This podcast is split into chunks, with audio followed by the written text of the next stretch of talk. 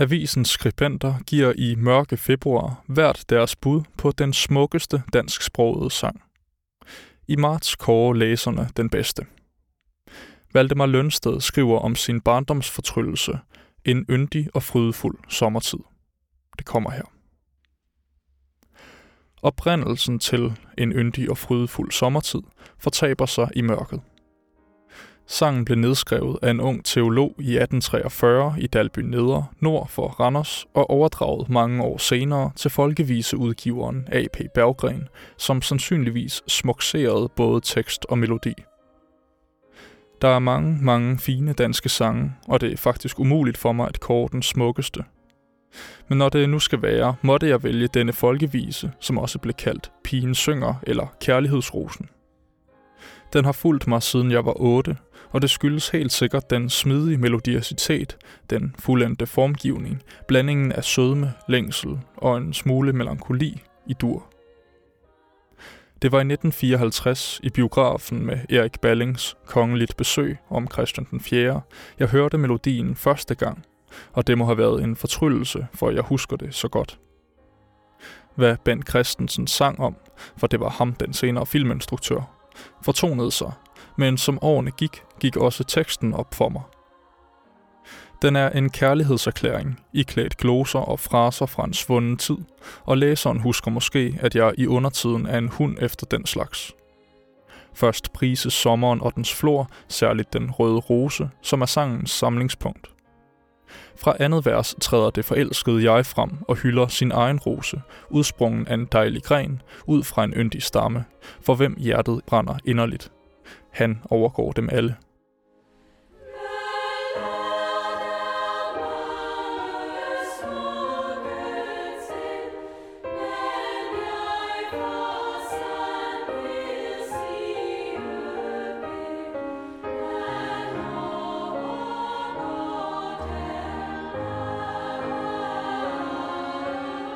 Kærlighedsrosen har imidlertid også en religiøs betydning.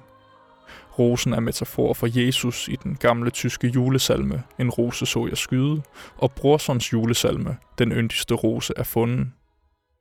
Det går videre i den klassiske musik, for eksempel Gustav Mahlers opstandelsessymfoni med folkesangen Urligt, der begynder med O Røslein Rot, O Lille Rød Rose.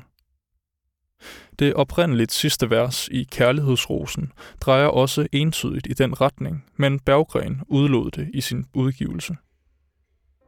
Som i Øenslager og Krøyers, der er et yndigt land, der var yndigt igen, bevæger melodien sig i nogle store spring, som kan være svære at styre for rustne sangstemmer.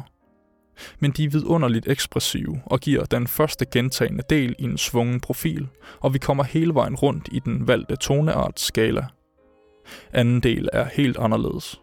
Den begynder med toptonerne og slanger sig så sagte nedad, som en spejling af den fører blomsterskaren frem, kærtegner lovprisningen af rosen helt ned til melodiens dybeste tone og slutter med en bekræftende plastisk gestus. Den ser du der igen.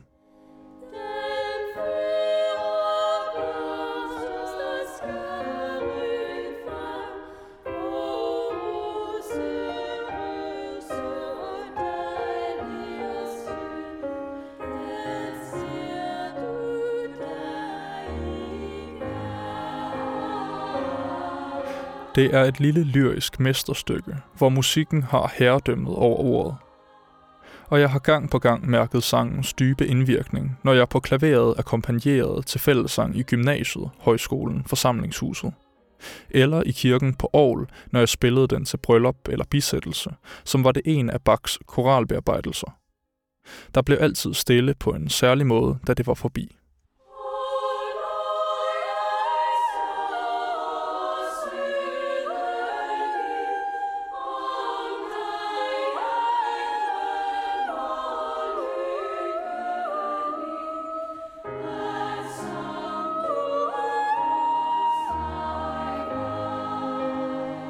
Det var altså Informations Valdemar Lønsteds valg til den smukkeste dansksprogede sang.